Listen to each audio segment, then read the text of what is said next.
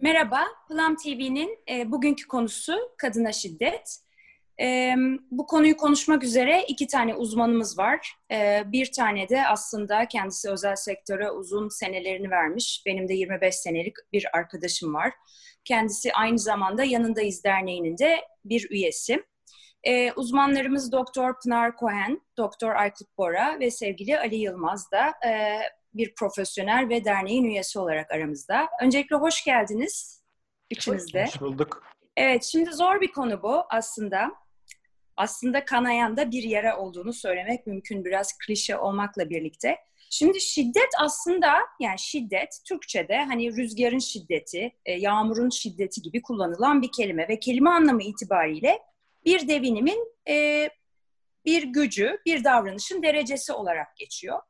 E, fakat İngilizce'de mesela şiddetle yani bir şeyin force ve violence iki ayrı kelimedir. Türkçe'de şiddet hem bir yani doğal bir olayın şiddeti olabilir, bir sesin şiddeti olabilir veya bir kişinin işte şiddetli bir yaklaşımı olabilir. Bir de tabii bugün konumuz olan kadına şiddet. Burada şiddetin çok güzel bir tanımını buldum ben. Onu sizinle de paylaşmak istiyorum. Bilmiyorum aynı düşüncede de olacak mısınız? Okuyacağım. Uzun da bir tanım ama çok kapsamlı bireyin fiziksel, cinsel, psikolojik veya ekonomik yönden zarar görmesiyle ya da acı çekmesiyle sonuçlanan veya sonuçlanması muhtemel hareketleri, buna yönelik tehdit ve baskıyı ya da özgürlüğün keyfi engellenmesini de içeren fiziksel, cinsel, psikolojik, sözlü veya ekonomik her türlü tutum ve davranıştır.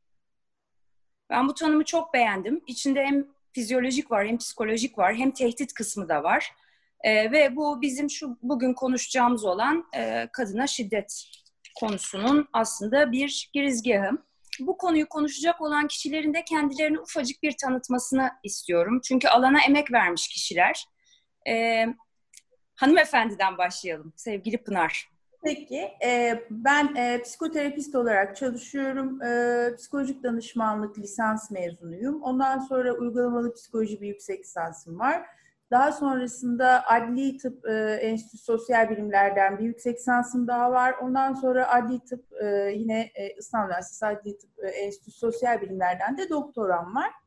E, şiddetin tanımı bizim de çok sıklıkla senin yaptığın şiddetin tanımı yazı çizi işlerinde çok sıklıkla kullandığımız hakikaten çok kapsamlı ve e, Aa, bunu da atlamamış, bunu da söylüyor filan dediğimiz çok hoş bir tanım. Gerçekten ben de çok e, e, kapsayıcı buluyorum bu tanımı. Ama benim e, e, yüksek sans tezim e, şiddetle alakalıydı, fiziksel ve sözel şiddetle.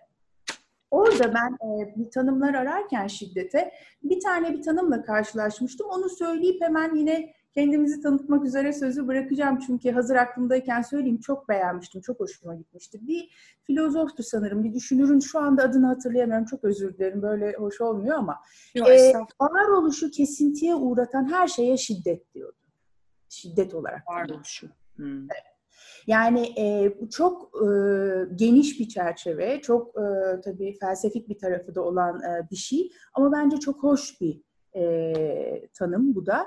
Bu da böyle kenarda dursun e, istedim. E, belki çok zarif bir tanım bu. Çok duyarlı çok, bir tanım. Evet, belki uğrayacağımız bir yer olabilir diye düşünüyorum ve e, şey. Bir, bir şey. Pınar tezinin konusunu da söyleyebilir misin? Çünkü üç kuşak kadınla alakalı bir şeydi. Bence hani... Doktora teziydi. E, şiddet, Hı. orada da şiddet vardı. Doktorada da evet. vardı ama yüksek lisanstaki tezin konusu fiziksel ve sözel şiddet davranışıyla dürtüsellik ve öfke arasındaki ilişkinin incelenmesiydi. E, doktora tezinde de üç kuşak kadında şiddete yönelik tutum, disosyasyon ve çocukluk çağı travmaları vardı. Bir parça daha var. Çok teşekkür ederim. Ee, beyefendiler hanginiz sözü almak istersiniz? Şimdi zor oldu. Ee, Ali'ye vereyim sözü. Arada bir şey yapayım. Ali evet, sen de kendini iki, kısaca tanıtıp tanıtabilir iki, akade, iki akademisyenin arasında. İki akademisyenin e, arasında evet. ben gireyim. Bir profesyonel. Evet bir profesyonel olarak gireyim. Ve bir gönüllü.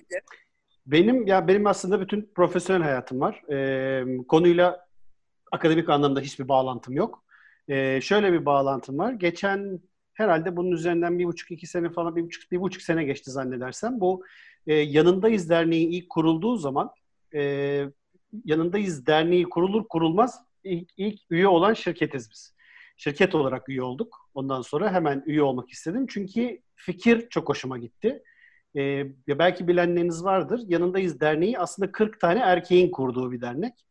Ee, ve aslında şiddeti yapanlar erkekler olduğu için erkeklerin erkekleri anlatması ve düzeltmesi gerektiğine inanarak e, kurdukları bir dernek. E, derneğin başkanı kadın.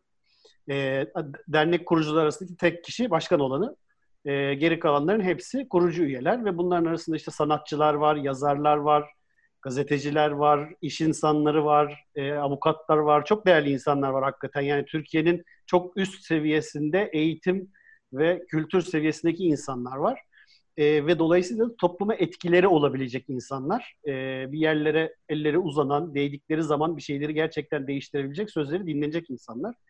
E, ben gerçekten bunun bir şeyleri değiştirebileceğine inandığım için e, buna girmek istedik şirket olarak. Tabii bunun şöyle etkileri de var. Hani annem var, ablam var, iki tane kızım var. E, kadınların arasında olan bir insan olarak da e, kendi kızlarının geleceğini düşünen bir insan olarak da e, bu e, işte benim de biraz payım olsun. Biz de bir şeyleri değiştirebilirsek, yardımcı olabilirsek ne mutlu diyerekten girdik. Teşekkürler. Daha sonra zaten hani birazcık evet. daha detaylı bazı şeyleri dinlemek isteyeceğimizi tahmin ediyorum. Aykut'cum. Söz bende. Evet. Ee, kendimden bahsetmeden önce bu derneğin e, dernekle ilgili ben çok bilgi sahibi değildim. Hatta yayından önce biraz Pınar'la da konuştuk dernek hakkında. E, ama bu 40 e, erkek meselesi bana çok iyi geldi. Çünkü e, şiddetle, kadına yönelik şiddetle ilgili yapılan akademik çalışmaların büyük çoğunluğunda da hep aslında mağdurlar üzerinden düşünüyoruz biz. E, oysa hani bu şeyin bir de fail tarafı var. Yani bu işte şiddeti eyleme döken bir taraf var. Fakat onları e, ne akademik yani sadece hani erkek faillik üzerinden değil hani meselenin bir de bir erkek boyutu var. Hani ne akademik çalışmaları ne de diğer çalışmalarda onları görmek çok mümkün olmuyor. Yani bütün o viktimolojik çalışmalar da kadınlar üzerinden. E, o yüzden 40 tane erkeğin bir arada olduğu bir dernek e, duymak bana çok iyi geldi. E, kendimle ilgili şunları söyleyeyim. Aslında Pınar'la çok benzer bir e, background'dan geliyorum. E, ben de psikolojik danışman ve psikoterapistim. E, yüksek lisans ve doktoramı da İstanbul Üniversitesi Adli Tıp Enstitüsü'nde yaptım. E, bugünkü konuyla çok yakından alakalı bir yüksek lisans tezim var. Evlilikte kadına yönelik şiddet çalışmıştım. E, tutum, yaşantı ve yasal farkındalık açısından cinsiyetler arası bir karşılaştırma yapmıştım. E, yüksek lisans tezimde de az evvel bu derneğe yaptığım göndermeyi göz önünde bulundurarak erkekleri de dahil etmiştim. E, doktorada da çocukluk çağı travmaları çalıştım. E, daha önce de bahsetmiştim uzun belki hatırlarsın. E, çocukluk çağı travmaları ile yetişkinlerdeki kişilik görüntüleri, iki kişilik görüntüsü seçmiştim. Narsisizm ve sınırda kişilik örgütlenmesi aradaki ilişkiyi incelemiştim. E, yani normalde de işte yarı zamanlı öğretim görevlisiyim. Gençlerle ve yetişkinlerle çalışıyorum diyebilirim. Ee, çok teşekkürler bu kısa tanıtımlar için. Çok üçünüz de çok değerlisiniz ve çok teşekkür ediyorum zaman ayırdığınız için. Şimdi hep duyduğumuz bir şey bu kadına şiddet. Hani Türkiye'de özellikle e, dünyada da büyük ihtimalle hani çok olan bir şey. Özellikle bu pandemi döneminde birçok yabancı ülkede de hani haneye kapandık, içeride şiddet olabilir gibi hani haberler ben şahsen okudum. İstatistiklere ben biraz baktım. E, 2003'ten bugüne kadar 2019'a kadar olan istatistiklere kadına yönelik şiddet %88 oranında artmış e, öldürülen kadın kanı, kadın sayısı 2003'te 83, 2016'da 329, 2017'de 409, 2018'de 440, 2019'da 474. E, bu rakamlar yalnız farklı haber sitelerine göre değişebiliyor. Bu bulduğum en yüksek rakamlardı ve ben en yüksek rakamları daha çok inanırım. O yüzden onu dikkate aldım. Ee, şimdi şu benim çok ilgimi çekti. Bu öldürülen kadınların yüzde 72.8'i evde öldürülüyor. Yüzde 95'i eş, partner veya akraba tarafından öldürülüyor. Ve e, bu kadınların, öldürülen kadınların yüzde 66'sının haklarında koruma kararı verilmiş aslında. E, öldürenlerin de yüzde 86'sının sabıkası yok.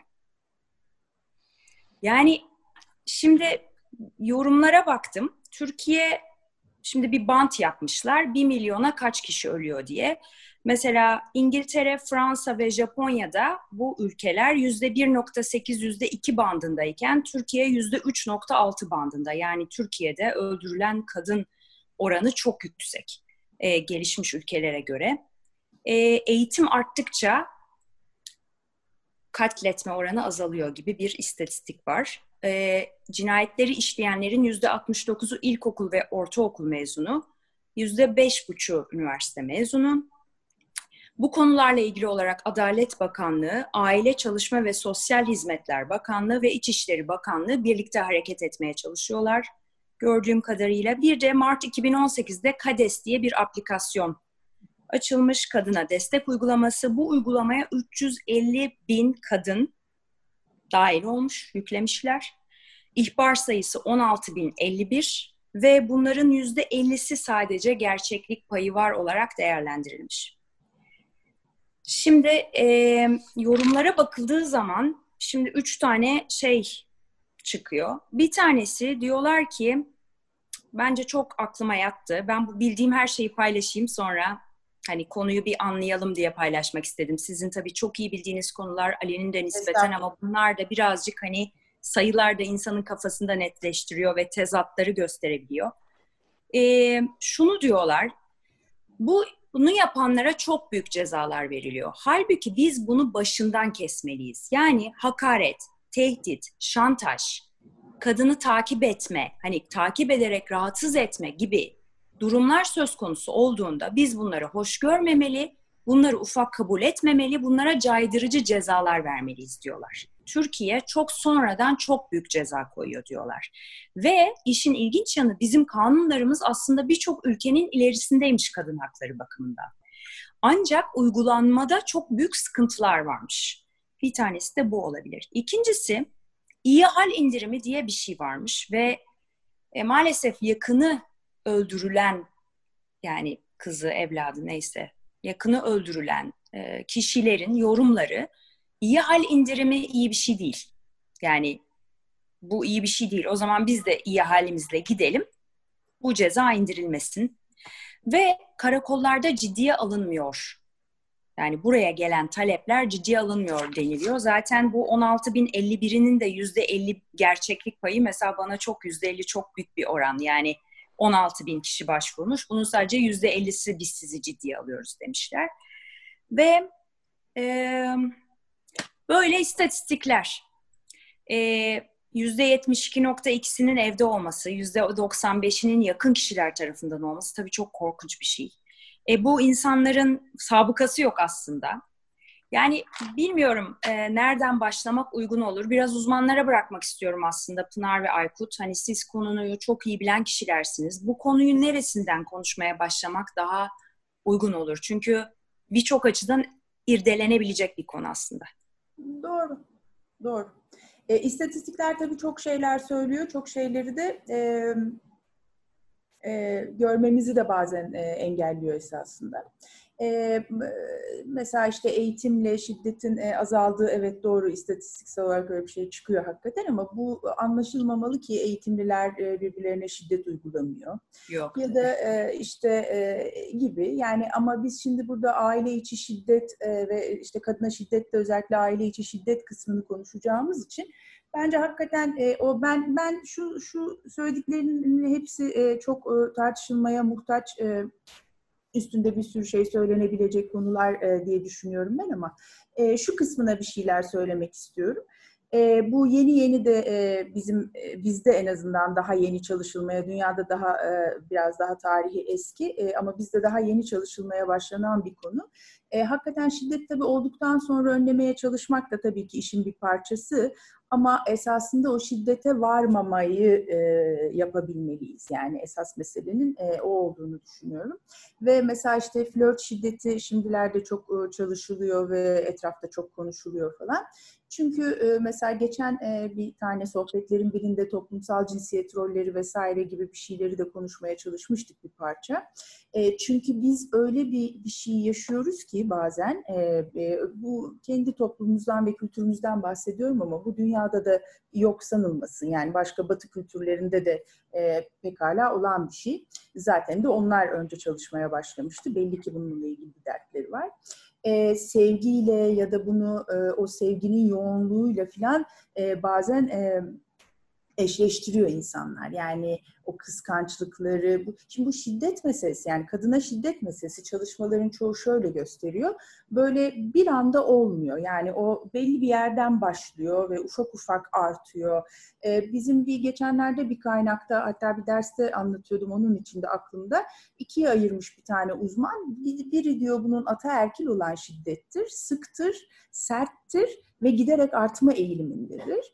Diğeri de diyor yaygın çift şiddeti dediğimiz hani o duygusal çalkantıda öfkeyi kontrol edememekle, dürtüyü kontrol edememekle alakalı iki tarafın da birbirine uyguladığı aslında daha seyrek e, görülen ve işte daha psikoterapiye falan da başvurmaya meyilli olan çiftlerde görülen e, bir şiddet türüdür filan diyor. Bizim uğraştığımızda yani ben o kanayan yaraya klişe filan ama yani e, tamamen katılıyorum. Hakikaten kanayan yara. Çünkü işte o şiddetin döngüsü var belki onları da konuşuruz. Yani şiddet yitip gitmiyor. Ben e, dövdüm karımı ondan sonra ya da öldürdüm. O hay Allah öyle oldu bitti filan gibi yitip gitmiyor. Ondan sonra benim çocuğum da bunu gördüğü için işte başka bir risk grubuna dahil oluyor falan gibi devam edip gidiyor. Dolayısıyla bu e, bunların hepsinde hakikaten önleyici şeylerin neler olması gerektiği bence e, belki işte e, Ali'nin de içinde olduğu şey o anla o bu bağlamda çok anlamlı geliyor bana en azından. Çünkü pragmatik olarak sadece kolluk, sadece akademik taraf ya da işte sadece kamu spotlarıyla olacak işler değil bunlar. Herkesin sorumluluğu var. Doğru. Yani burada hepimizin bence hakikaten sorumluluğu var. Ama bir şu kadarcık ama bu kadarcık. Ne yapabiliyorsak. Ee, onun için e, ben bu önleme ve tanımayı çok çok kıymetli buluyorum. Yap, e, bu anlam, anlamda yapılacak her türlü e, çalışmayı, konuşmayı e, ya da makale yazmayı neyse. Ee, Ali, e, hani Pınar da biraz bahsettiği için şimdi bu Yanındayız Derneği'ne bakarken hani projeleri var 26 tane projeden bahsediyor. Bunlar nasıl projeler? Biraz bize bilgi verebilir misin? Yani hani e... Şimdi birkaç alanda, e, birkaç farklı alanda projeler geliştiriliyor. Bunlardan bir tanesi tabii işin eğitim tarafı. Eğitim evet. tarafı dediğimiz zaman e, bu gençleri eğitmek anlamında değil. Yani biz girelim de ilkokuldan, ortaokuldan itibaren çocukların eğitimini sağlayalım falan değil. E, çünkü o çok uzun vadeli ve bu derneğin amacını da aşan bir proje e, bu derneğin amacının eğitim tarafı biraz daha e, mesela biz berber dükkanı diye bir konseptimiz var. Berber dükkanı dediğimizde şu, şirketlerde etkinliklere katılıyoruz. Konferansa, işte insan kaynakları konferansına gidiyoruz, pazarlama konferanslarına gidiyoruz. Bir berber dükkanı sahnesi kuruluyor. Ve berber dükkanı sahnesinde üç kişi e, biz kendi tecrübelerimiz doğrultusunda hem kadına şiddetten bahsediyoruz hem de oradaki dinleyiciyi sorarak neler olduğunu, neler yapıldığını, hani hem Türkiye'de neler olup bitiyor hem onlar kendilerini bir erkek olarak, bir baba, abi, eş olarak nasıl görüyorlar onları da biraz sorguluyoruz. Berber dükkanı olmasının konsepti de berberin çok erkek bir yer olması. Hmm. Ee, berber erkeklerin her şeyini konuştuğu ve her şeyi ortaya döktüğü bir yerdir ve aslında pek de kadınların girmediği bir yerdir. İşte ka- kahve gibi, cami gibi berber de erkeğe özel bir alandır özellikle o konsept seçildi ki hani erkekler berberde ne konuşur? Bir de aynaya baktığın zaman ne görüyorsun? Bir erkek olarak berber koltuğuna oturduğunda işte kendini baba olarak mı görüyorsun, abi olarak mı, kardeş olarak mı, eş olarak mı, ne olarak görüyorsan onu da biraz insanlara anlatmaya çalışıyoruz.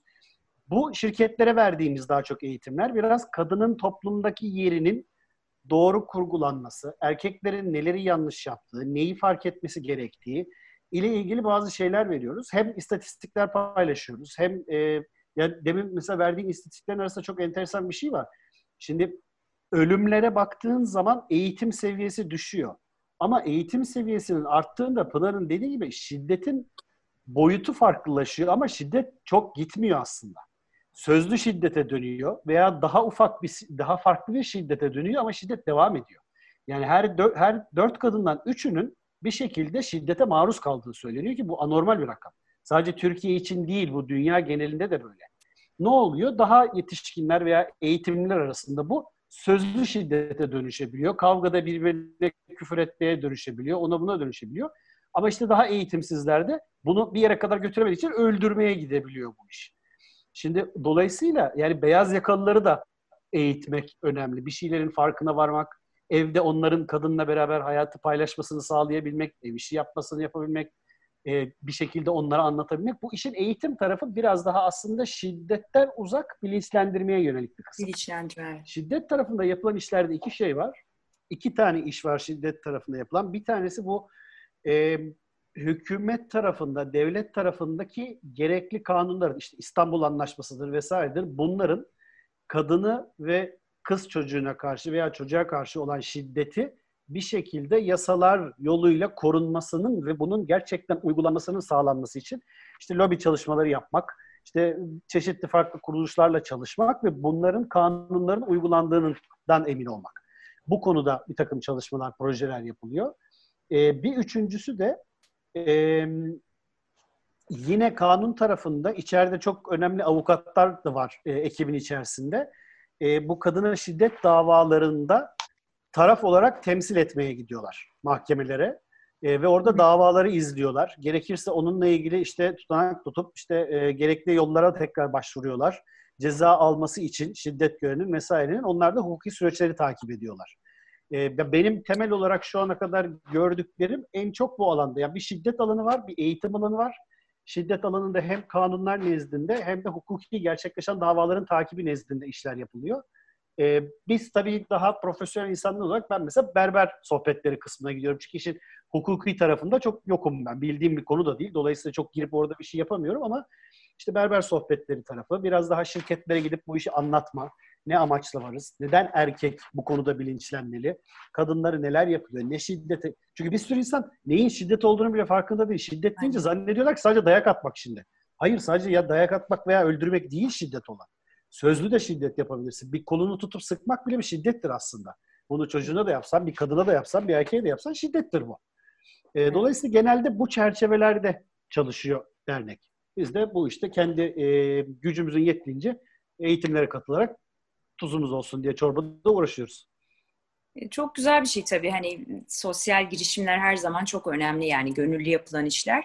Bu eğitimli kesimle ilgili benim her zaman dikkatimi çeken bir şey vardır. Eğitimliler aslında bunu çok konuşmazlar ve çok hani e, bir atıyorum e, daha eğitim seviyesi düşük biri gider karakola ama eğitim seviyesi yüksek biri hani bunlar daha çok içinde yaşanır. Hani bir sıkıntı olduğunda da haberiniz olmaz mesela aile içinde. E, benim böyle bir gözlemim var. E, Ali şeyi merak ettim. Bu derneğe katılım sence ne oranda? Yani insanlar gönüllü olarak yani iyi bir sayıda mısınız? Derneğin üyeleri yeterli sayıda mı sence? Yoksa arttırılabilir mi sayı? Ve insanların hani duyduklarında aa biz de girelim gibi bir hevesleri, çabaları oluyor mu? Biz ne yapabiliriz ee, Yani şu anda benim gördüğüm kadarıyla bayağı aktif bir şekilde çalışan insan var. Ee, daha fazlası Gerekir mi? Belki belirli alanlarda gerekebilir. Atıyorum mesela daha fazla avukat olup daha fazla davayı takip etmek belki mümkün olabilir. Ee, veya ne bileyim hükümet nezdinde daha etkili olabilecek ve orada lobi yapacak birileri belki biraz daha fazla olabilir. Gönüllü olarak bayağı insan var ee, ama duyup katılmak isteyen de çok oluyor. Duyduktan sonra hani fikir hoşuna giden ve buna katılmak isteyen de çok oluyor. Ee, herkese de kapı açık. Yani gelip mümkün olduğunca işi yani Kalabalıklaştırmaktan ziyade proje üretmek ve o projeyi hayata geçirmek daha önemli bence. Bir Kesinlikle. sürü dernek var. E, çünkü çok kadın derneği olarak baktığınızda aslında bir sürü dernek var. E, hepsi farklı alanlarda faaliyet göstermeye çalışıyor ama etkiyi yaratabilmek daha önemli. Dernek kurmuş olmak için dernek kurmak değil, o etkiyi gerçekten yaratmak ve dişe dokunur ve etki çıkartmak bence Doğru. çok önemli. O yüzden eğer proje varsa ve bu projeyi dolduracak daha fazla insana varsa evet tabii ki daha fazla insan gelmeli.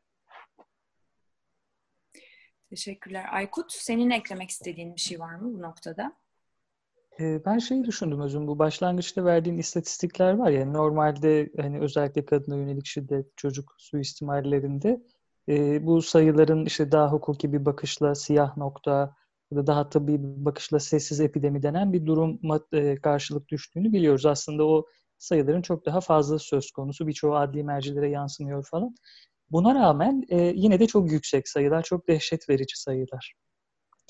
E, bugün şunu da konuşalım isterim. Yani hem bunun sebepleri hakkında, e, hem belki hem faillerin yani e, ağırlıklı olarak erkeklerin erkek şiddetini konuşacağız. Hem de mağdurların, kadınların ruhsal yapıları hakkında konuşabilelim isterim. E, aynı zamanda bu şiddetin çıktıları, sonuçları yani ruhsal, e, genel olarak psikososyal çıktıları hakkında konuşabilelim isterim.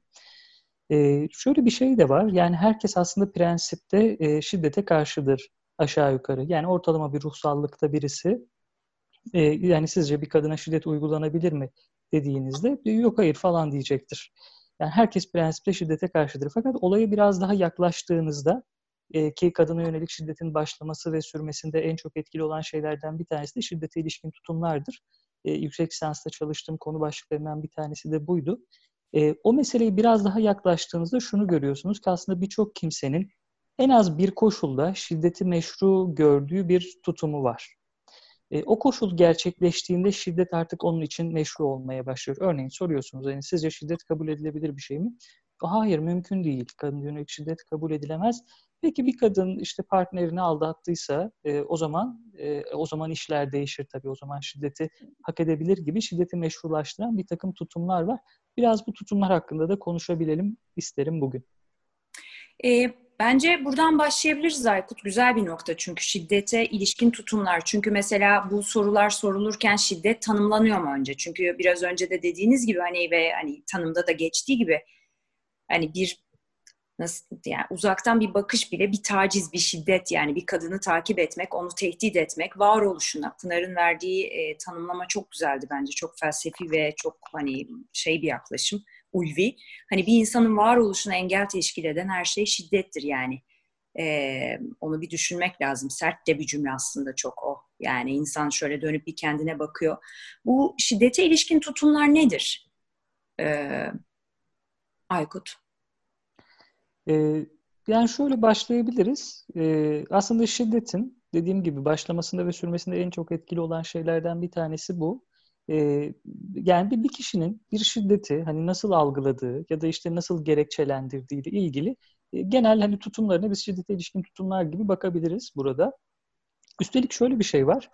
E, yapılan bu tutumla ilgili yapılan çalışmalarda erkeklerin e, kadınlara nispeten şiddeti daha kabul edilebilir olduğunu e, kabul edilebilir olduğunu e, görüyoruz. E, fakat birçok çalışmada yani yurt içinde yurt dışında da aslında birçok kadının da birçok kadın grubunun da belirli koşullarda şiddeti kabul eden tutumlara sahip olduğunu da biliyoruz. Yani her iki cinsiyette de erkeklerde daha fazla olmakla beraber şiddeti başlatan ve besleyen şeylerin başında e, şiddete ilişkin tutumlar geliyor. Bu herkes için değişebilir. Yani dediğim gibi bir başkası için işte ihanet şiddetin meşrulaşması için yeterliyken bir başka kültürde, örneğin daha kırsal bir yerde yapsak bu çalışmayı, e, işte tırnak içerisinde kadınlık görevlerinin yerine getirilmemesi de şiddeti meşrulaştıran bir sebep e, olabilir. İşte erkeğin bakımını ihmal etmesi, evi ya da çocukları ihmal etmesi de e, bir meşruiyet sebebi olarak e, görülebiliyor. Erkeğin evi ihmal etmesi mi dedin? Yok yok kadının yani örneğin ha. işte e, hani rastladığımız tutumlardan birisi olduğu için evdeki sorumluluklarını yerine getirmemesi işte düzenli olarak yemek yapmaması, temizlik yapmaması, çocuklara bakmaması gibi. Senin geçen sohbetlerimizden birinde bir sözün vardı. Güç eşitsizliği olan her yerde şiddet vardır demiştin aklında yanlış kalmadıysa. Şimdi burada hani neden erkek daha çok şiddet gösteriyordu? Hani kadının da olduğu, kadının da şiddet gösterdiği vakalar olduğunu konuşmuştuk ama hani bugünün konusu da kadına şiddet. Erkek yani bu erkeğin şiddet göstermesi hani biyolojik bir şey mi? Hormonal bir şey mi? E, bu kültürel bir şey mi? Yani bu hakkı erkek nereden sahip? Hı hı. Görüyor kendinde yani bu kadın bu işi yerine getirmiyor. Ben de bunu dövüyorum. Kadın da diyor ki aa erkeğimdir döver mesela. Misal. Yani geçen o söylediğim yerden e, biraz açıp sonra bırakayım sözü. Hani Ali ve Pınar'ın da bununla ilgili söyleyecek şeyleri vardır. E, ben bütün o test çalışmasının sonunda şöyle bir yere varmıştım. Aslında e, şiddet gerçekten de güç eşitsizliğinin, hiyerarşisinin olduğu her yerde var. Yani erkekten kadına, kadından çocuğa, e, işte kadından erkeğe, erkekten yaşlıya, gençten yaşlıya falan gibi çok algoritma yapılabilir şiddetle ilgili. Aslında temel nokta bir güç e, eşitsizliğinin söz konusu olması. Şimdi günümüzde bakıldığında da erkekler e, işte sosyoekonomik olarak fiziksel olarak daha güçlü ve avantajlı pozisyondalar.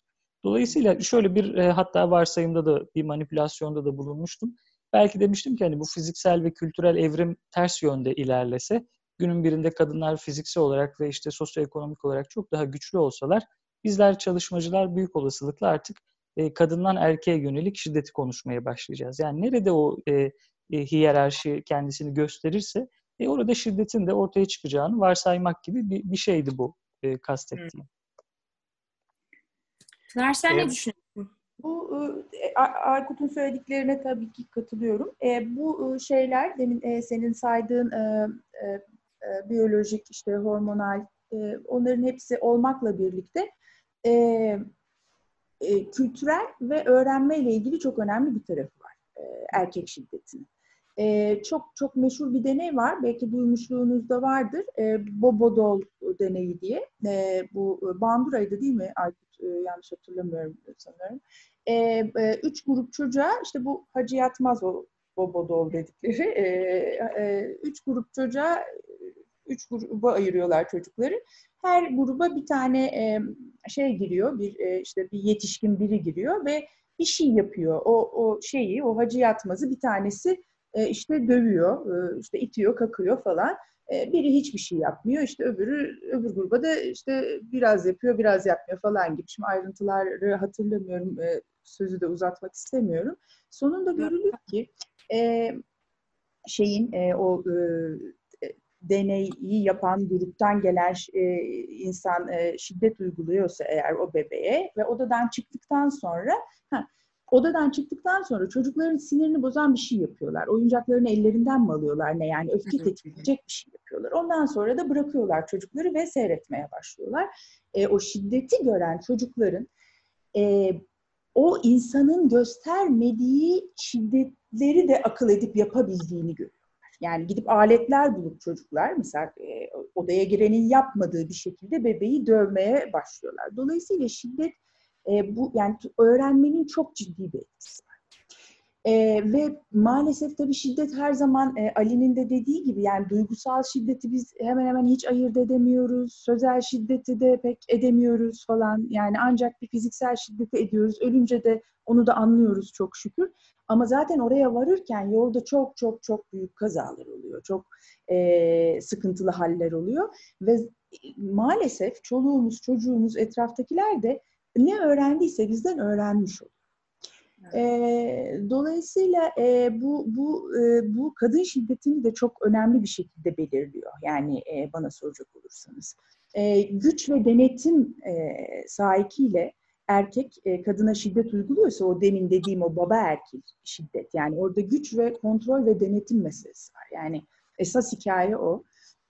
Bunu bir yol olarak görüyor. Bunda kendini haklı görüyor. Yani bu bunu böyle yapması gerektiğini düşünüyor.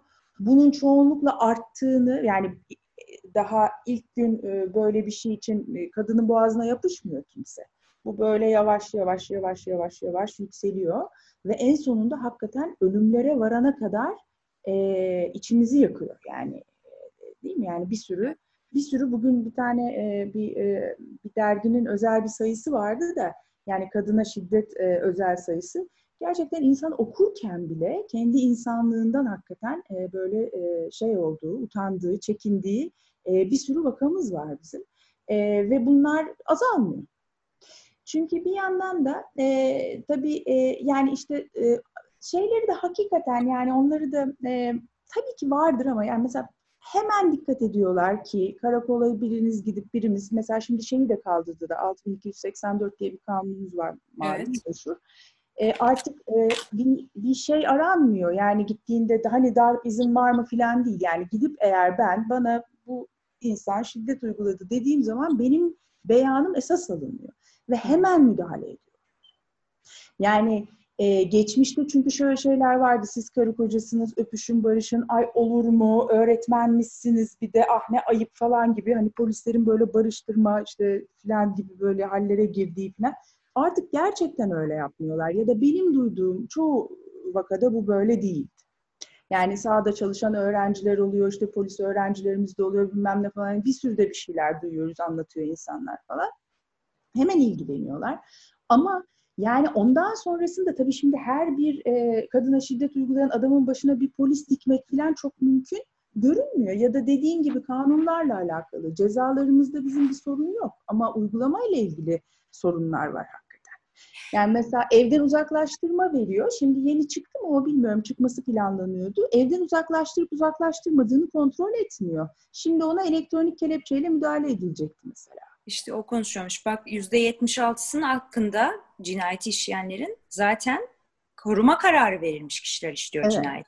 Yani aslında kanun işliyor olsa onun gidip Tabii. onu yapamaması gerek. Ama işte Bu arada yani e, yani e, işte oralarda özür dilerim Pınar. Çok çok şeyler yapıyorlar ama yani gerçek Emek yani gerçekten e, hakikaten Ben, yani ben e, şeyi merak ettim. Belki biliyorsunuzdur. Şimdi bu hani KADES'e gelen ihbarlar var ya, bu dediğinle alakalı da Pınar. O yüzden sormak istedim. Mesela 16.051 ihbar olmuş. Bunların %50'si gerçek kabul edilmiş. Bunu neye göre?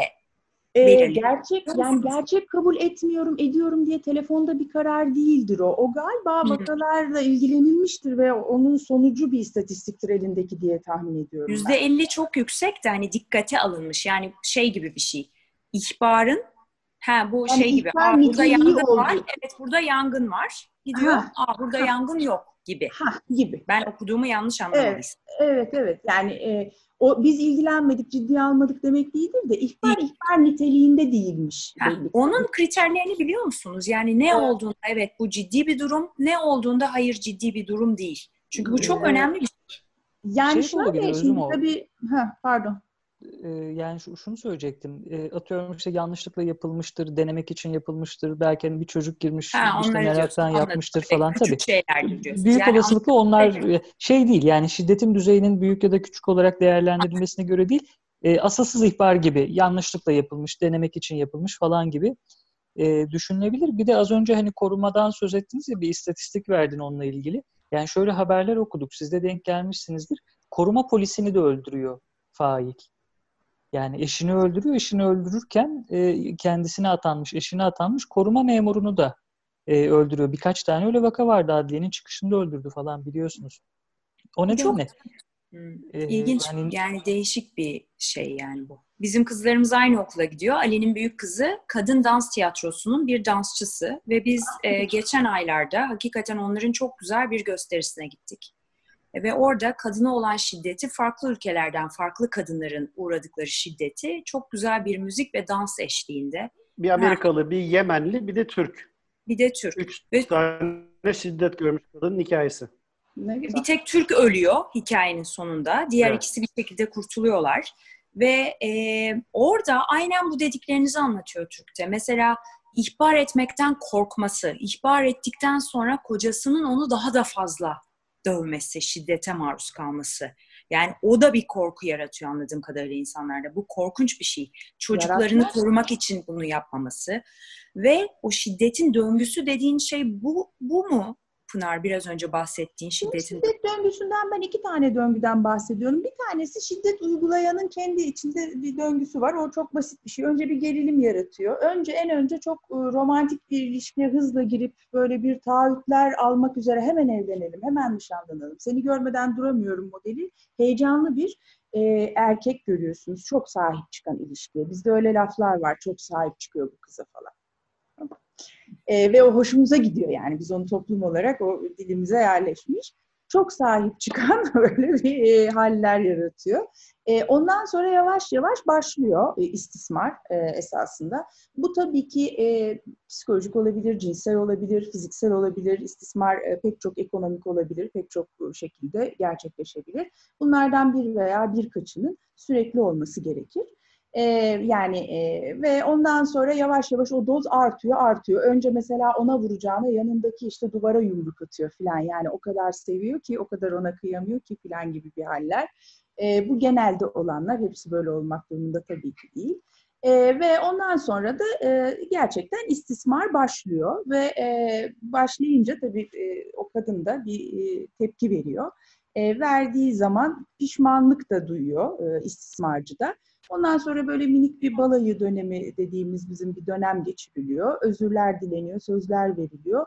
Hiç tekrar etmeyeceğine dair sözler veriliyor.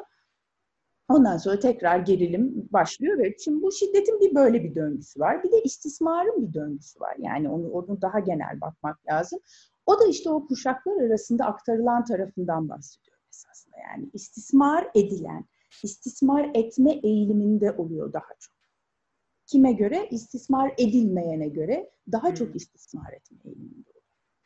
E, şiddet de bir istismar yani temelinde zaten o var. Onun için bir de öyle bir döngüsü var. Yani bitmeyen bir e, şey e, kendi çektiğini çektirmesi gibi o da bir döngü yaratıyor. Bizim konuşacağımız belki o eşler arasındaki işte o şeydir. Yani hani işte seni çok seviyorum, annene gitme demiyorum ama senden ayrı duramıyorumlarla başlayan ve ondan sonra işte e, gittikçe dozu artan e, falan bir şey e, belki daha konuşacağımız bir şey olabilir. Çünkü bunun sonunda yani bu tablonun sonunda e, hırpalanmış kadın sendromu adı verilen bir de bir bir bir, bir klinik bir hal çıkıyor. Ee, Nasıl bir hal o? Bu kadınlar yani bu şun, şununla karakterize çok özetle e, bir kere hiçbir şekilde bundan kurtulamayacağını, bu partnerden kurtulamayacağını düşünüyor. Öğrenilmiş çaresizliği çok ciddi hissediyor ve şeyi yapamıyor. Yani aksiyon almak, e, durumunu değiştirmek, yargılaması, düşünmesi, benlik saygısı, e, yeterlilik hepsi bozuluyor. Hepsi hasarlanıyor. Dolayısıyla şimdi o kadınlara gidip hadi gel seni buradan çıkaralım dediğinizde o hiçbir yere gitmiyor artık. Hak ettiğini düşünüyor bu şiddet. Ah, çok ilginç bir şey. Evet bir de ama bizim toplumumuzda da var bu. Şimdi yani kadın kendi rolünde de var. Yani çok enteresan bir şekilde kadın evet ben bunu hak ettim diyebiliyor. Yani bizim toplumumuz çok enteresan bir şey. Evet. Ee, sadece bizim toplumumuzda değil, doğulu toplumlarda da bu çok olan bir şey ya daha ataerkil toplumlar aslında daha Türkiye'nin ve doğusunda Japonya'ya kadar Japonya da dahil olmak üzere buna daha ataerkil toplumlar ve erkeğin toplumdaki rolünün daha baskın olduğu toplumlar. E, küçükten hep öyle yetiştiriliyorlar. Çünkü erkek çocuk değerli yetiştiriliyor. E, kız çocuk işte ev işi yapsın, çocuk doğursun diye yetiştiriliyor. Ya ben bu erkekten gelen şiddetin birkaç boyutu olduğunu düşünüyorum. Yani iki akademisyen arasında hakem kesmek belki haddime değil ama Estağfurullah? E, bunun yani e, bir kere bir biyolojik boyutu var. E, doğaya baktığınızda hayvanlarda da erkek hep gücü temsil eder. Güçlü olan erkek kavga eder, kadını alır. Veya kadın bakar işte kavga edenler arasından kazananı seçer, onunla çiftleşir. E, sürüyü işte erkek e, güder vesaire falan gibi hayvanlar arasında da bu var. Çünkü biyolojik bir güç şeyi var. Şimdi ben er, insan olan erkekte de şunu görüyorum. Erkek gene gücü temsil ediyor. Gücü temsil ettiği için o gücü kaybetmeye başladığını hissettiği yerde şiddete başvuruyor. Ee, bunun bir de sosyolojik boyutu var. Sosyolojik boyut bizim toplumsal olarak yüklediğimiz boyut. Aman evladım erkek çocuk şöyle yapar. İşte kız çocuğun rolünü başka çiziyoruz. Erkek çocuğun rolünü başka çiziyoruz. Elini sıcak sudan soğuk suya sokmuyoruz. E ondan sonra istediği yapılmadığı zaman sinirlenmeye başlıyor veya işte ne bileyim kendi lafını dinletemediği zaman gücünü kaybetmiş gibi hissediyor. Gücünü kaybetmiş gibi olunca sinirleniyor. Şimdi bence bu çocukluğa dönünce de var. Şimdi erkek çocuklar kavga eder. Erkek çocuklar birbirlerine karşı şiddet uygularlar. Bu nereden başlıyor? Niye kız çocuklarda yok da erkek çocuklarda var mesela bu? Ee, ben siz daha iyi bilirsiniz belki bu işin hani e, e, okulunu okumuş insanlar olarak ama ben onu merak ediyorum mesela. Erkek çocuk niye kavga ediyor işini çözemediği zaman konuşamıyor da kız çocuk bu işi hiç konuşarak çözebiliyor. E, erkeğin orada bir şeyi eksik demek ki. Yani ya biyolojik bir şey var e, ya bir şekilde şiddeti öğrendiği için e, şiddetle çözebileceğini düşündüğü için şiddeti göstermeye başlıyor. Sonra bu hem toplumun çizdiği sosyolojik rol hem psikolojik olarak işte bunun arkasında geçim sıkıntısı geliyor olabilir, başka bir şey geliyor olabilir işte sinirlenip gelip evde sinirini çıkartıyor olabilir. Sinirini nasıl boşaltacağını bilmiyor olabilir. Bilmediği için buna gidiyor olabilir. Ee, yani bu işin ben hem biyolojik hem sosyolojik hem de psikolojik olarak farklı boyutları olduğunu düşünüyorum. Bizde maalesef toplum olarak hepsi bir araya gelmiş gibi gözüküyor. Ee, kötülerini biz bir araya toplamışız gibi gözüküyor. O yüzden de biraz zor düzeliyor bizde bu işler. Yani düzelmiyor belki de bilmiyorum ama e, ama bir şekilde hani çocuklara eğilerek bu işin en baştan çocuk erkek çocuğu niye şiddete eğimli? Bunu belki ya bilmiyorum belki siz cevap verebilirsiniz buna. Benim bilmediğim bir konu bu. Ama bu sanki oradan başlayarak gidiyor. Evet evet. Ben, ben, ben, ben yani şöyle düşünüyorum. Bu söylediklerinizin yani bu söylediklerinin hepsi geçerli. İşte e, hakikaten biyolojik olarak da bir parça daha geçen sefer de bu hormonal bir farklılık olduğunu konuşmuştuk bir parça. O saldırganlıkta erkekler hep cinsiyete göre bakıldığında bir tık daha önde çıkıyorlar.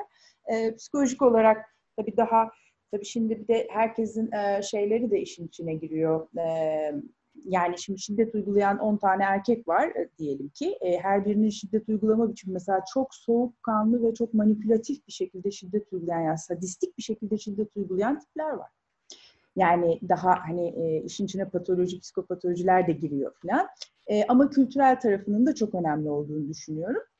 Hiçbir zaman bu tip davranışlarda hele şiddet gibi çok karmaşık davranış. Yani insan davranışı zaten karmaşık ama böyle şiddetli, cinsellikli falan bunları şundan oluyordur falan diye anlamamız mümkün değil. Onun için habire araştırmalar yapılıyor. Yani hepimiz bir minicik toplu iğne ışığı kadar aydınlatabiliyoruz. Onun üstüne bir şey daha koymuş oluyoruz belki. Ama hala daha da yapılacak. E, çünkü yani bunun bir adet sebebi yok. Bir sürü belirleyen var. E, onun için Ali'nin söyledikleri, Ali senin söylediklerinin hepsi bence son derece doğru. Biyolojik, psikolojik ve sosyolojik boyutuyla belirli bir şey bu bence. Ben Ali'yi dinleyince şunu merak ettim. Annelerin tutumu ne kadar önemli burada? Annelerin çocuğa. Biz bugün, bugün arkadaş grubumuzda da hani Ali'nin de olduğu yakın bir arkadaş grubumuz var. Hani orada konuşurken böyle Türk erkek anası sendromu diye böyle benim hani düğünlerde evlenirken oğlu ağlayan başka bir dişi görüntüye girince hani tüyleri diken diken olan hani tabii işin esprisiyle söylüyorum burada ama bir Türk anası, Türk erkek anası profili var benim gözümde şahsen. Ve hakikaten benim tüylerimi diken diken ediyor bu ana. Çünkü e, neden? İşte benim yakışıklı oğlum, benim paşam, benim efendim, benim yakışıklım, benim hani tabii ki insan evladına der yakışıklım ama şimdi bunların aslında biliyoruz ki zaten pedagojik açıdan bir çocuğa yakışıklı, güzel demek zaten iyi bir şey değil. Çünkü çocuk hep ona o zaman şey yapmaya çalışıyor. E, hep yakışıklı olmaya, hep inanıyor, güzel. İnanıyor bir de. hem inanıyor hem Hayır, hani Çocuklar öyle, inanıyorlar ama. Yani. Hani iyi ama bir de ona hani onu gerçekleştirmeye çalışması var ya hep yakışıklı olmaya çalışması, hep güzel olmaya çalışması, hep akıllı olmaya çalışması. E Özellikle çocuğu... bunun uzmanları evet, evet uyarıyorlar çocuğunuzu bu şekilde sevmeyin. Yani bu çocuğa güzelim, akıllım, zekim demeyin. Bu çocuk çünkü yazık gariban bu sefer onu yapmaya çalışacak. Şimdi tabii ki bunları bilgi eksikliği, iyi niyet diyelim.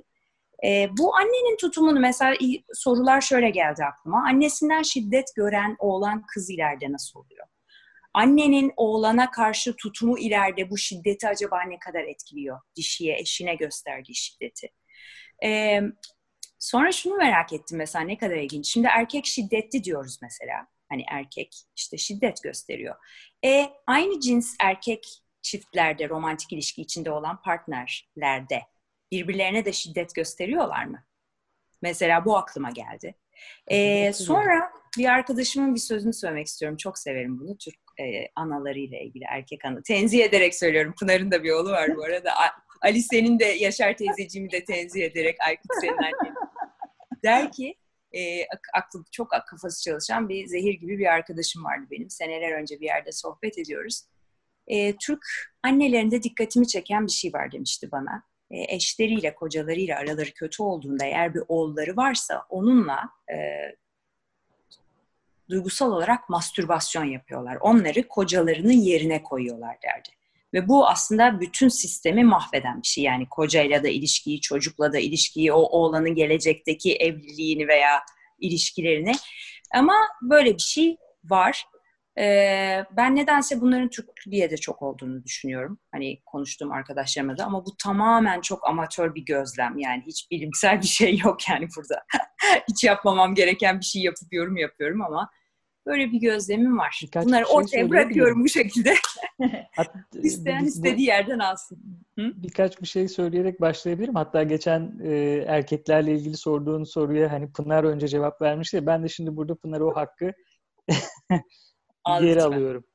tamam ee, Şimdi bu e, özüm söylediğin şey e, özellikle hani oğlan çocuklarının böyle yeni bir koca gibi tayin edilmesi e, hani buna modern diyelim ya da günümüz diyelim günümüz e, annelerinde daha sık karşılaşılan yani e, işte çocuğun olmasıyla beraber o çiftin birbirinden uzaklaşmaya başlaması e, duygusal olarak yatırımlarını birbirinden çekmeleri ve annenin e, bilhassa oğlan çocuğu, tabii bazen kız çocuğu için de aynı şey geçerli olabilir. Yatırımını onun üzerine yaparak sanki yeni bir partner tayin etmesi durumu e, bilhassa günümüz e, annelerinde çok daha yaygın karşılaştığımız bir tutum. E, diğeri ise yani bence yalnız bunun Bunun nedeni ne Aykut? Yani tam orada olduğumuz için soruyorum. Yani bunun nedeni biliniyor mu?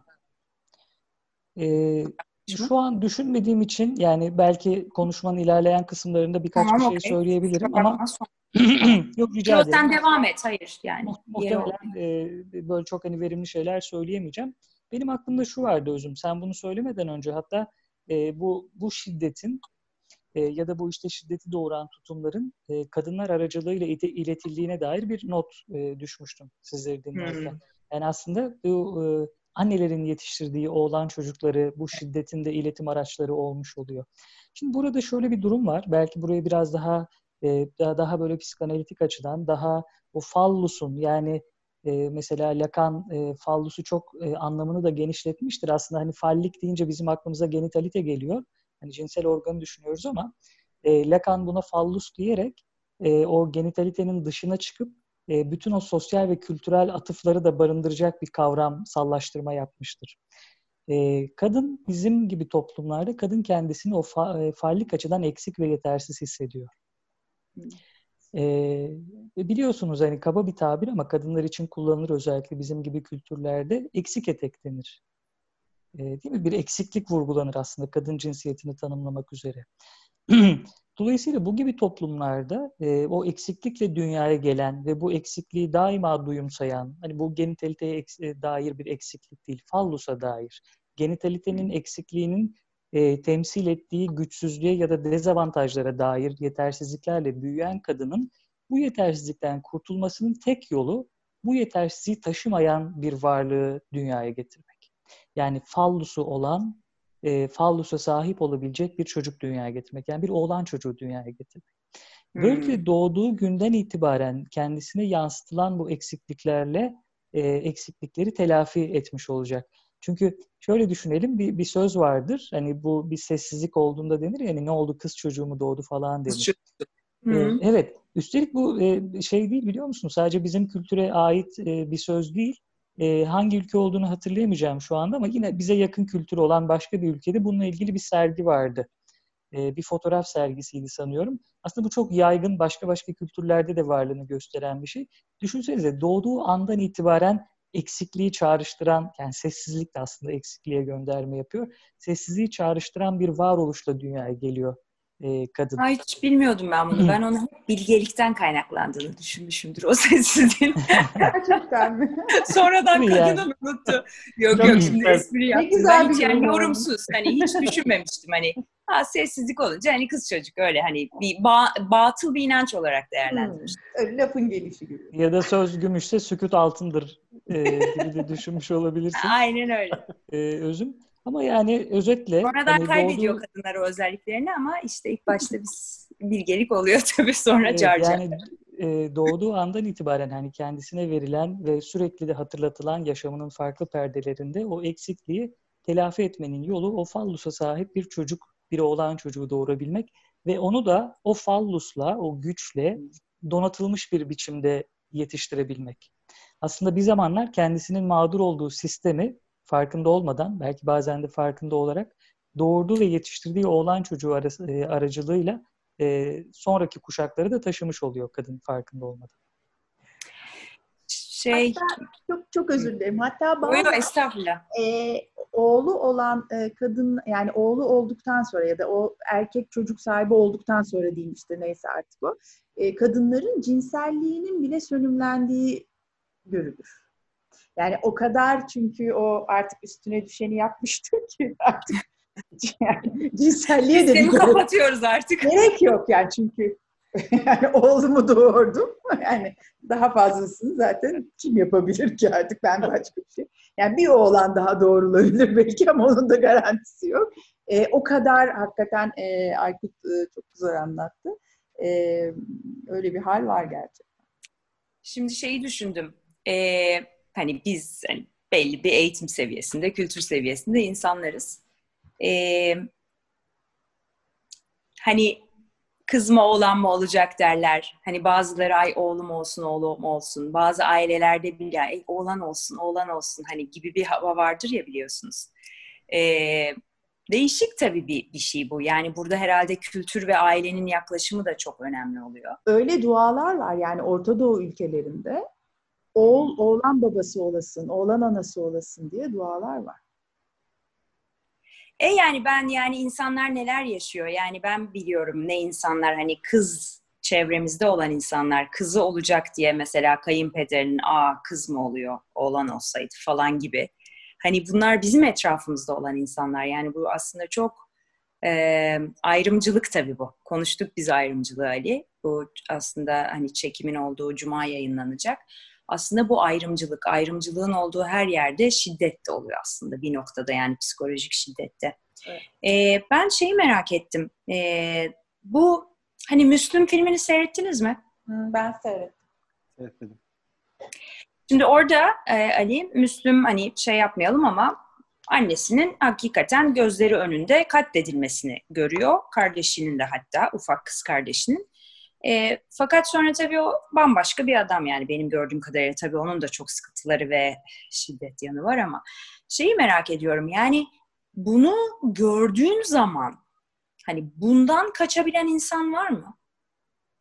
Yani şiddet görüp şiddet yapmayan insan. Mesela çünkü sigara da vardır. Mesela annesi babası sigara içer birinin. O der ki ben ağzıma sürmeyeceğim.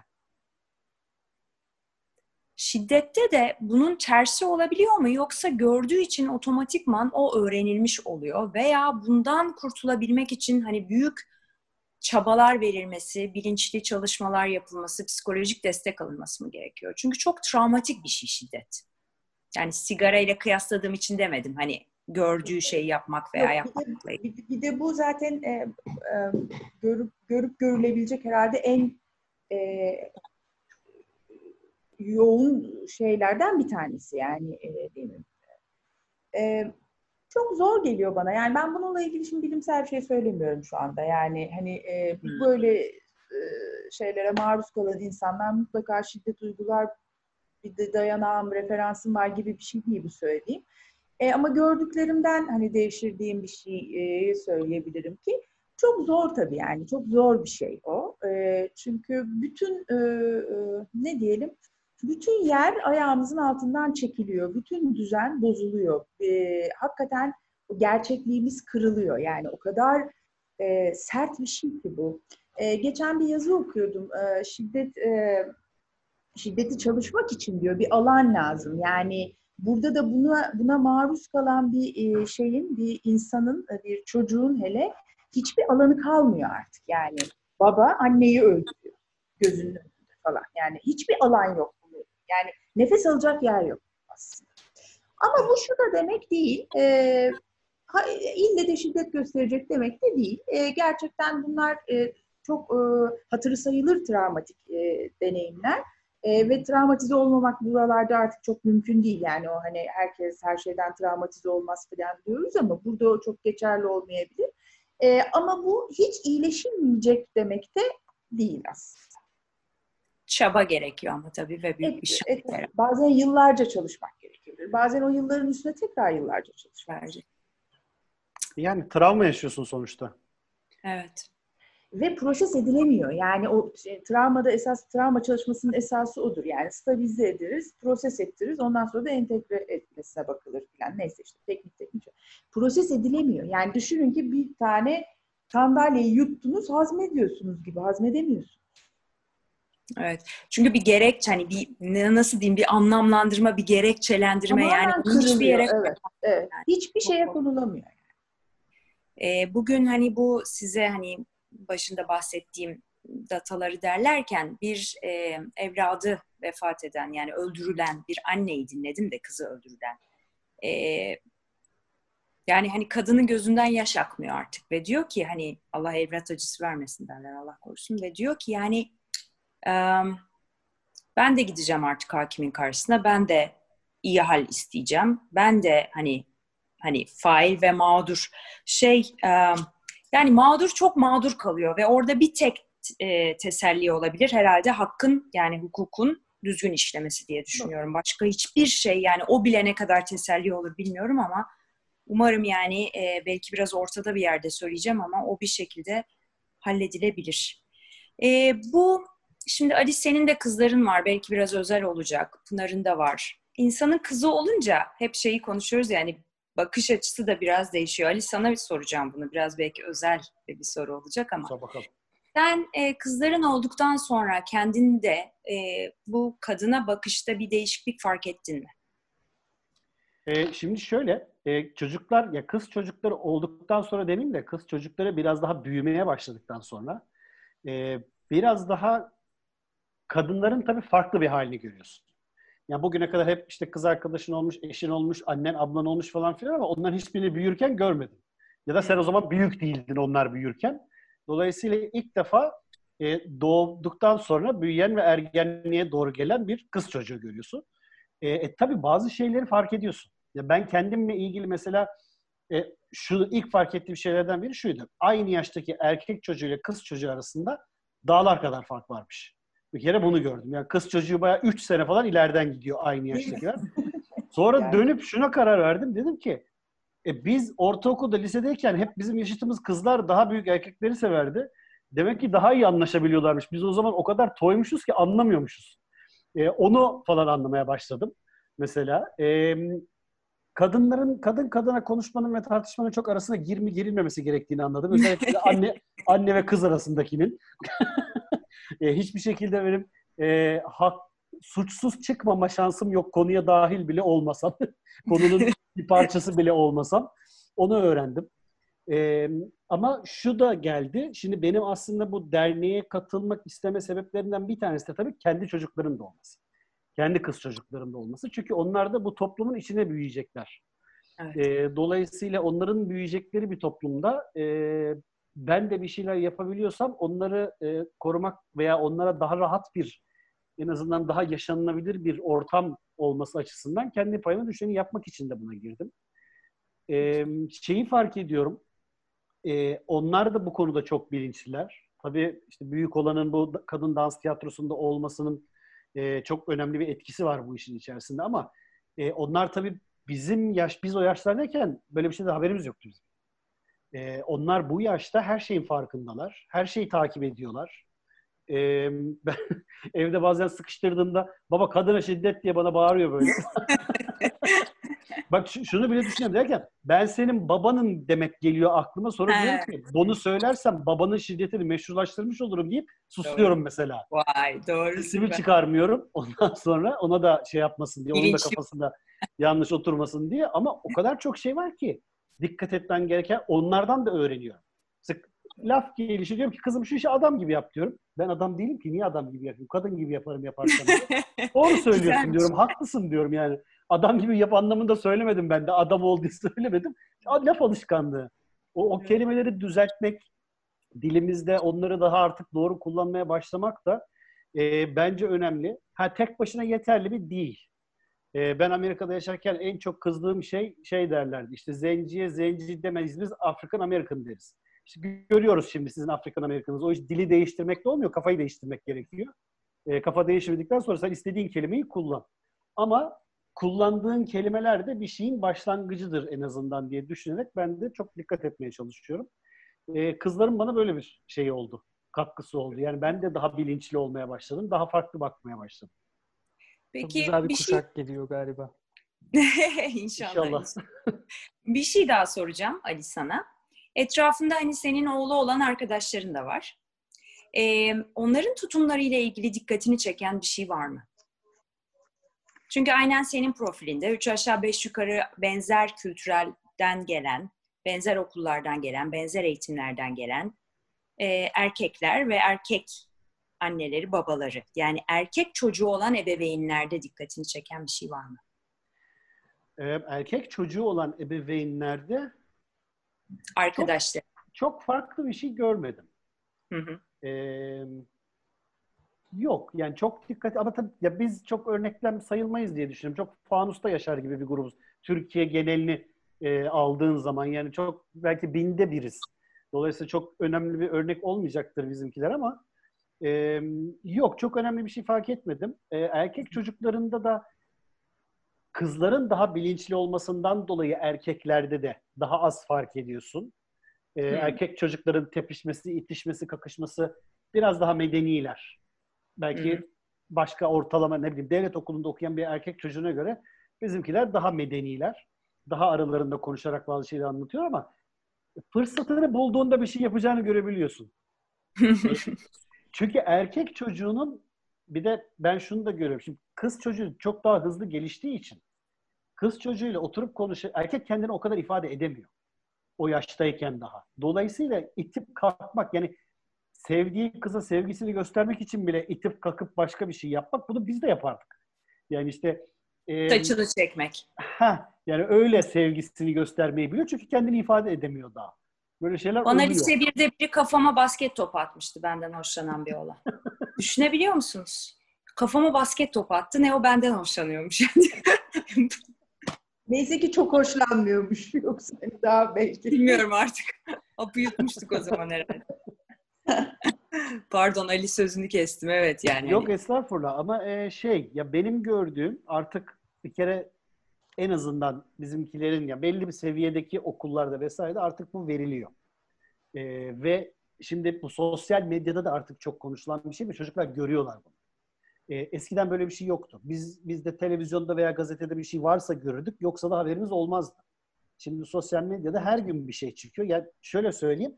Bu bizimkilerin dans ettiği e, dans tiyatrosundaki hikayesi anlatılan kızlardan Yemenli olan kız 11 yaşında evlendirilmeye çalışılan bir kızdı. Kız şu anda 20 küsur yaşında İngiltere'de yaşıyor. Ee, ve kurtulduktan sonra gitmiş işte İngiltere'de okutmuşlar bilmem ne yapmışlar falan. Şimdi bizimkiler kızla iletişime geçtiler. Kızı oyununa getirmeye çalışıyorlar.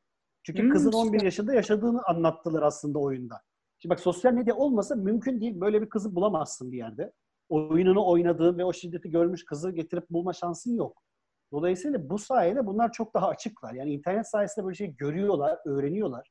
Doğruyu yanlışa belki travmatik şeyler de bırakabilir bilmiyorum ama en azından haberleri oluyor. Ve en azından bununla ilgili bir şeyler yapmaları gerektiğini veya kendileri korumaları gerektiğini artık bilerek büyüyorlar. Veya erkek çocukları da bunu yapmaması gerektiğini bilerek büyüyor. Bunu dışarıda da görüyor. E, o, o kısım bence biraz daha sevindirici. Ha, ne kadar faydası oluyordur bilmiyorum. Çünkü evde bunu görmüyorsa istediği yerde görsün. E, ben her şeyin evde bittiğini düşünüyorum. Hep diyoruz ya çocuk senin söylediğini değil senin yaptığını yapıyor. E, evet. Sen istediğin kadar şiddetle ilgili eğitmeye çalış. Evde kendin bunu yapıyorsan o çocuk da onu görerek büyüyor ve onun eğer kadın da ses çıkarmıyorsa maalesef doğru olduğunu da görerek büyüyor belki de. Kabul etmesi gerektiğini düşünerek büyüyor veya erkek çocuksa yapması gerektiğini, yapmaya hakkı olduğu gerektiğini düşünerek büyüyor. Doğru. Pınar senin kızın tabii artık genç kız. Evet hatta yetişkin bile olabilir. 22 yaşında. Neredeyse 22 evet. Ee, şimdi ben şeyi merak ediyorum. Bu son dönemde hani şiddetin şekli de değişiyor ya. Hani bu cyber bullying, siber zorbalık denilen bir kavram var ya e, hani insanların işte yüzlerini alıp başka çıplak bir vücudun üstüne koymak, ondan sonra videosunu çekmek veya erkeklerin hani kızdan bunu isteyip onu tehdit etmesi, şantaj yapması. Bu da şiddete giriyor değil mi? Evet. Ee, aslında zaten şey tanıma girdi o yani şiddet çeşitlerinin arasında artık sanal şiddet, siber şiddet diye. Ben sayıyorum çünkü e, çok çok vaka var öyle. Yani çok çok şeyler var bu vakalarda hani bu Türkiye özgü vakalar mı yoksa dünyada da çok yaygın bir şey mi? Her yerde aynı mı? Var var. Her yerde var. Yani e, şimdi bu e, daha da artacaktır herhalde. Çünkü artık bütün e, iletişim ve etkileşim bunların üzerinden yürüdüğü için neredeyse ya da yüzde sekseni diyelim. E, hakikaten bunu işte e, bir şey yapmak yani tehdit amaçlı e, kullanıyorlar, e, birbirlerine veriyorlar. O tanımadığınız bir yerden bir şey çıkıyor. Çocuklar, genç genç kızlar okuldan ayrılmak zorunda kalıyor. Öbür yapanlar da çocuk yani fail dediklerimiz de çocuk o filan. E, ve tabii büyükler de yapıyor birbirine e, esasında. Böyle bir dünya var. Yani sexting diye bir şey var mesela. Sexting. Sexting. Evet. Sexting ha, sexting. Evet yani e, ya da işte e, işte sanal e, şey e, e, seks e, partneri bulma e, işte e, şeyleri aplikasyon. E, aplikasyonları falan. Onlar evet, onlarla ilgili bu plan buluşmasında da konuşmuştuk. Hatta bizim e, hani bir arkadaşımız bir sunum yaptı bununla ilgili olarak. Aslında çok kullanılan hatta hani bazı kişilerin hatta evliliğe kadar giden ilişkilerinin olduğu, bazı kişilerin tercih ettiği, bazı kişilerin de sadece arkadaş bulmak için aslında kullandığı bir mecra olarak geçiyor. Onun da kendine göre kuralları varmış ama tabii birazcık bir şans. Bir itirazım yok ama tabii güvenlik açığı olan yerler e, olabilir. Tabii. Tabii. E, bu e, siber zorbalığı kızların da yaptığını duydum ben. Evet evet. Bir arkadaşımdan çok ilginç bir şekilde. Hatta kendi hemcinslerine. Şimdi ee, evet, evet yani e, şimdi bu şeyi konuşuyoruz tabii ki kadına şiddeti konuşuyoruz ama bu şey de anlamına gelmemeli. Kadınlar hiç şiddet uygulamıyor anlamına gelmemeli. Yani e, işte mesela o hırpalanmış kadınlardan bahsettik. Onların bir kısmı hakikaten e, işte böyle kala kalıyor, hareket edemiyor filan ama bir kısmı fail oluyor. Kocayı öldürüyor mesela. Yani biz evet. tabii e, bizim hassasiyetimiz orada hani e, ölen kadınlar e, çünkü hakikaten yani her gün neredeyse böyle bir olay var ülkemizde. Onun için hani biraz dikkatimiz o anlamda oraya kayıyor ama ve kadınlar ilişkide de e, daha ilişkisel şiddet yani duygusal şiddeti çok çatır çatır kullanıyorlar. Hani e, şey değil e, yani e, e, hani böyle sadece de erkekler şiddet uyguluyor gibi bir, şey yok. Ya da kadın fiziksel şiddeti de kullanıyor. Nedir kadın, duygusal şiddet? Daha az oranla. Yani kadının kullandığı duygusal şiddet biraz manipülasyon gibi bir şey mi? Çok evet yani değersizleştirir, alay eder, e, tiz eder, nasıl denir ona? E, kışkırtır. Alay eder. E, yani e, yapabilir. Her şeyi yapabilir. Yani. Duygu sömürüsü yapabilir. Yapar, cinselliğini toplar. Hmm. E, şefkatini, duygusunu toplar ortamdan. E, falan. Bunlar yani şiddete mi giriyor? Duygusal şiddete mi giriyor? Kandırır tabii ki. Ha. Çok e, görmezden bir şey açıldı birden. E, görmezden gelir. Demin Ali'nin dediği gibi neredeyse çocuklarla konuşmak mümkün değil. Yani şiddette her şey şiddet işte yani. Öyle baktığımızda. E, gerçekten onlar da bu yani görmezden gelmek mesela çok e, değil mi hatır sayılır bir şeydir. Yani gözüme bile bakmadı deriz. En korkuncu zaten. Evet. Onun için hani e, kızlar da tabii ki kızlar da birbirlerine bunu yapabilirler. E, erkekler de yapabilirler. E, dediğim gibi yani çok şeyler var. E, çok çok bu konuda çok davalar var. E, çünkü yani okullarda ne yapacağını bilemiyor. E, bir sürü hikayeler çıkıyor. Özellikle bu işte çıplak fotoğraflar ya da cinsellikle ilgili taraflar da çok suistimali açık yerler. E, onun için siber e, şiddeti artık saymamız gerekiyor. Ya şöyle bir ee, sakınca var burada. Ee, özür dilerim özür bir şey söyleyecektim. Yok estağfurullah. Devam et. istedim. Ee, şöyle bir sakınca da var. Bazen işte az önce Pınar'ın anlattığı örnekte şiddet mağduru kadın e, sonra kocasını öldürüyor falan.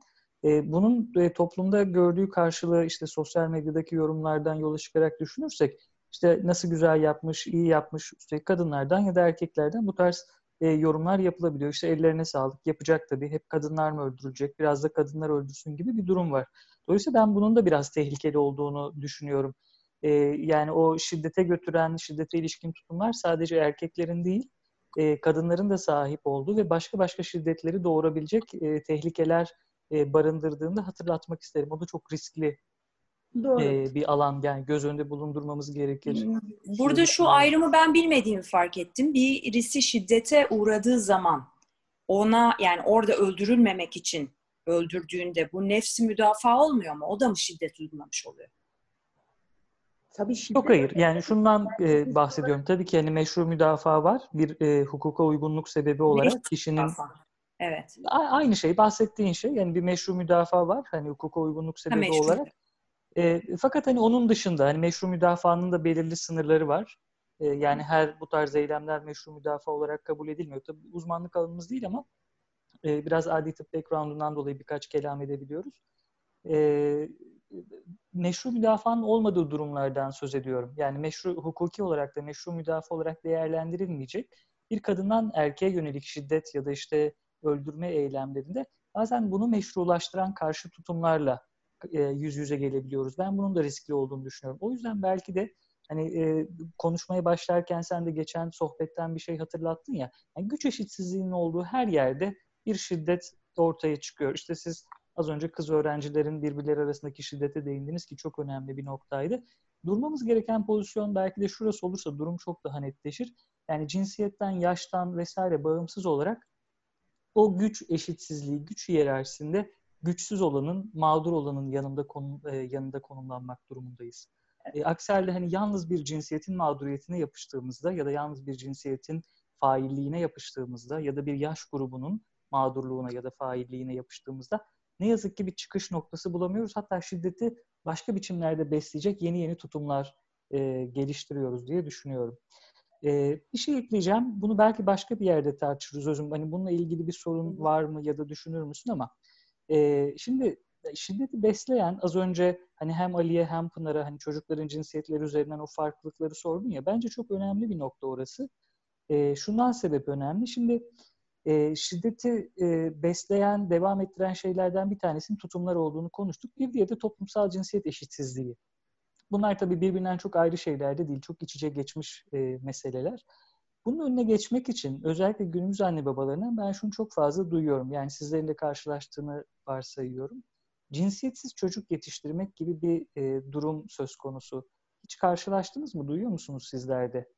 Hani biz onu cinsiyetsiz yetiştiriyoruz. Yani bir oğlan çocuğu gibi ya da bir kız çocuğu gibi yetiştirmiyoruz. Ee, yani modada var. çok görüyorum ve dikkatimi çekiyor. Yani özellikle bazı modacılar uluslararası hani parfümlerde olsun, kıyafetlerde olsun. Hani erkeğin de kadının da giyebileceği kıyafetler. Androjen hani diyorlar ya buna androjen yani hani her hmm. şey e, şey. Ama bu dediğini hiç duymadım daha önce. Ben şahsen kendi adıma duymadım. Yani kıza kamyon almak gibi filan değil mi ya da yani ya bir şey olarak değil. Onları bir yerde anlamlı da buluyorum aslında. Hani bütün işte e, oyuncakları, bütün işte renkleri, kıyafetleri böyle bir sık bir cinsiyetle ilişkilendirmenin dışında bir şeyden söz ediyorum. Hani genel yani, olarak neredeyse biyolojik cinsiyetini yok sayma üzerinden. Ee, şimdi e, toplumsal cinsiyete ilişkin o eşitsizliğe dair çok ciddi bir farkındalık oluşturmak ve çocukları toplumsal cinsiyet kalıplarının dışında büyütmek bence çok anlamlı ve önemli. Şiddeti de, eylemsel şiddeti en azından dönüştürecek olan şeylerden bir tanesi de bu. Fakat doğanın e, çocuğa tayin ettiği biyolojik cinsiyetin ve ebeveynin görüp topluma tanıtması gereken e, sonrasındaki o cinsiyet kimliğinin ve sonrasında süreç içerisinde oluşturulacak cinsel yönelimin yok edilmesinin, e, silikleştirilmesinin, belirsizleştirilmesinin pedagojik açıdan biraz riskli olduğunu düşünüyorum. Yani farklılıkların e, kastettiğimi ee, aktarabildim mi emin değilim ama yok, gayet önemli olduğunu düşünüyorum. Ya bir de yani dediğine katılmakla birlikte şimdi orada hani bu gen genet, genetiğini bozmak gibi bir şey yani. Hani bu çocuğu cinsiyetsizleştirmek yani onu ileride aslında çok kıymetli bir yapısından o, o da şiddet o da varoluşuna müdahale başka bir açıdan bakıldığında. Yani çünkü benim nerede okuduğumu hatırlamıyorum. Okuduğum psikolojik araştırmalardan birinde diyorlar ki belli bir yaşa kadar çocuk kız çocuklarla erkek çocuklar birlikte oynuyor. Siz bunu biliyorsunuzdur zaten. Hmm. ve ama bıraktığınızda erkekler işte araba, kamyon, silah neyse kızlar bebek, mutfak şeye doğru gidiyorlar ve belli bir yaşta diyorlar bunlar ayrılıyorlar. Yani bu artık galiba yanlış bir şey söylemeyeyim 8-9 yaşından çok ilerleyen yaşlara kadar ergenlik hatta bitene kadar belki sonuna doğru ayrı oynuyorlar. Sonra bir araya geliyorlar diyorlar. Yani burada doğal bir akış var. Ve şimdi cinsiyetsiz çocuk yetiştirmek yani bilmiyorum bana biraz doğaya müdahale gibi geldi açıkçası ama hani Pınar ve Ali'nin de ne düşündüğünü merak ed- ed- ediyorum. Ben, bana enteresan geldi bu cinsiyetsiz çocuk meselesi. Yani ben cinsiyetsiz çocuk yetiştirmekten ziyade ben bizim toplumdaki cinsiyet tanımlarını baştan yapmamız gerektiğini düşünüyorum. Şimdi sen dedin ya çocuk doğal akışında arabaya bilmem neye gidiyor diye. Aslında doğal akışı o değil. O öğretilen. Çünkü evde de anneyi mutfakta görüp babayı arabada görünce çocuk doğalının o olduğunu zannediyor. Niye? Erkek geninde ben arabaya meraklıyım diye mi doğuyor? Bundan 150 sene önce araba yoktu.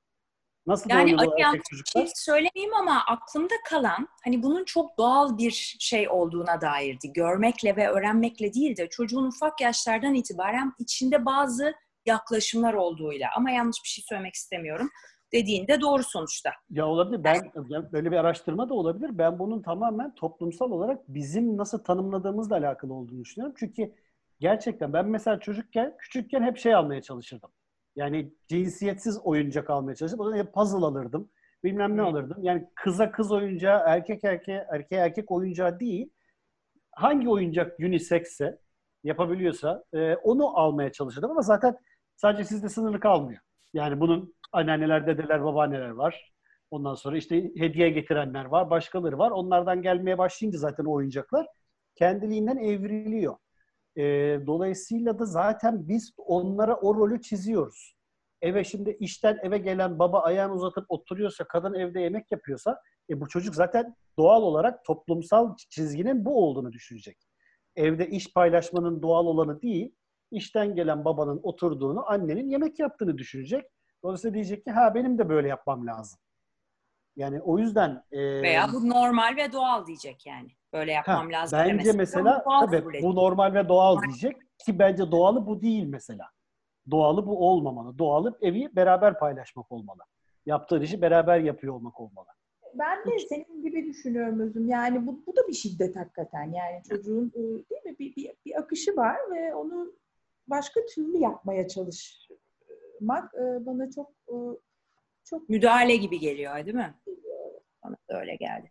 Şimdi ben sizleri dinlerken şöyle bir hani Aykut'un da dedikleri ve en son hani şu noktadan bakmamız gerek hepinizin paylaştıkları yani aslında çok nasıl diyeyim böyle hakikaten de bütünsel ve sistematik bakılması gereken bir konu. Yani şuradan başlayıp buradan gidelim değil de böyle çocuk doğduğu andan itibaren evin içinden itibaren hakikaten biz o doğduğu sistemin çok iyi oturtulması gerek gibi bir şey hissediyorum ben. Yani orada bir terslik olduğu anda bunu sonradan toparlamamız çok zor gözüküyor. Doğru mu anlıyorum ben bunu? E, doğru ama burada da çok obsesif davranmamak lazım esas. Evet, evet. Son olarak söyleyeceğiniz bir şey varsa onları almak istiyorum.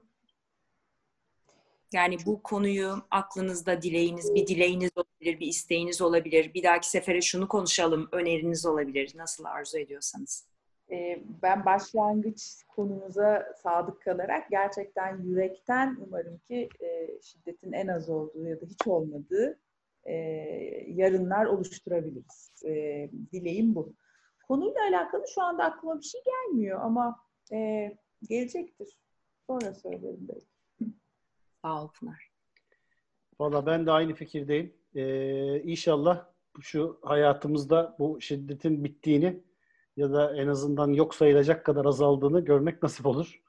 Ee, insanların daha huzurlu yaşadığı, kimsenin ayrımcılık yapmadığı, şiddet uygulamadığı bir dünya görürüz. İnşallah. Teşekkürler Ali. Aykut. Ben, ben de artık klasikleşmiş e, düşüncelerimle şeyi sonlandırayım, e, kendi sözlerimi. Ben de şöyle söyleyeceğim. Yani herkesin bir ötekinin failliğini taşlamadan önce kendi içine bakıp kendi failleriyle yüzleştiği ve şiddeti de ancak böyle dönüştürebildiği e, hem inancındayım hem de umudundayım e, diyerek bitirebilirim sözlerimi. Ben de üçünüze de çok teşekkür ediyorum. Zaman ayırdığınız için çok geniş bir yelpazede bu konuyu konuştuk hakikaten. Nerede başladı, nereye gitti ama konuşsak hakikaten daha da konuşuruz. Ee, çok teşekkür ediyorum tekrar. İzleyenlere de çok teşekkür ediyorum. Sağ olun bizi izlediğiniz için. Umarız şiddetsiz bir dünya olur. Biz de üstümüze düşeni yapalım. Burada bilinçli yaşayalım diyorum. Allah'a ısmarladık.